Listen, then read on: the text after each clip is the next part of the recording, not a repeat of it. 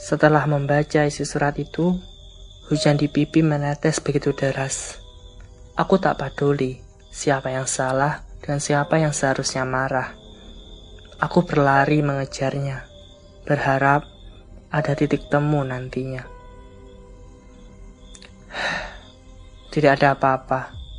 Ia raib entah ke mana perginya. Sudah satu minggu kita tak bertemu.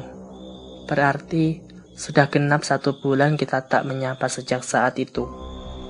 Dan tiba-tiba mataku tertuju pada instastory seseorang. Iya, instastorynya. Dia yang telah lama ingin aku cari tahu keberadaannya. Ketika aku melihat isi instastorynya, mataku tercengang. Ternyata dia sudah punya yang baru. Secepat itukah ia meninggalkan?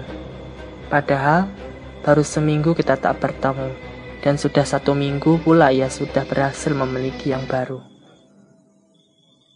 Dan ternyata yang baru itu adalah temanku sendiri. Dia yang menyuruhku mendekati seseorang yang katanya ia sukai.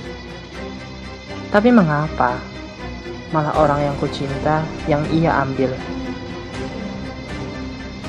Dari situ aku mulai percaya, tidak semua teman itu baik, dan tidak semua lawan itu jahat. Tidak menutup kemungkinan lawan menjadi, teman, dan sebaliknya. 10 Januari, Langit Belasi Berangka,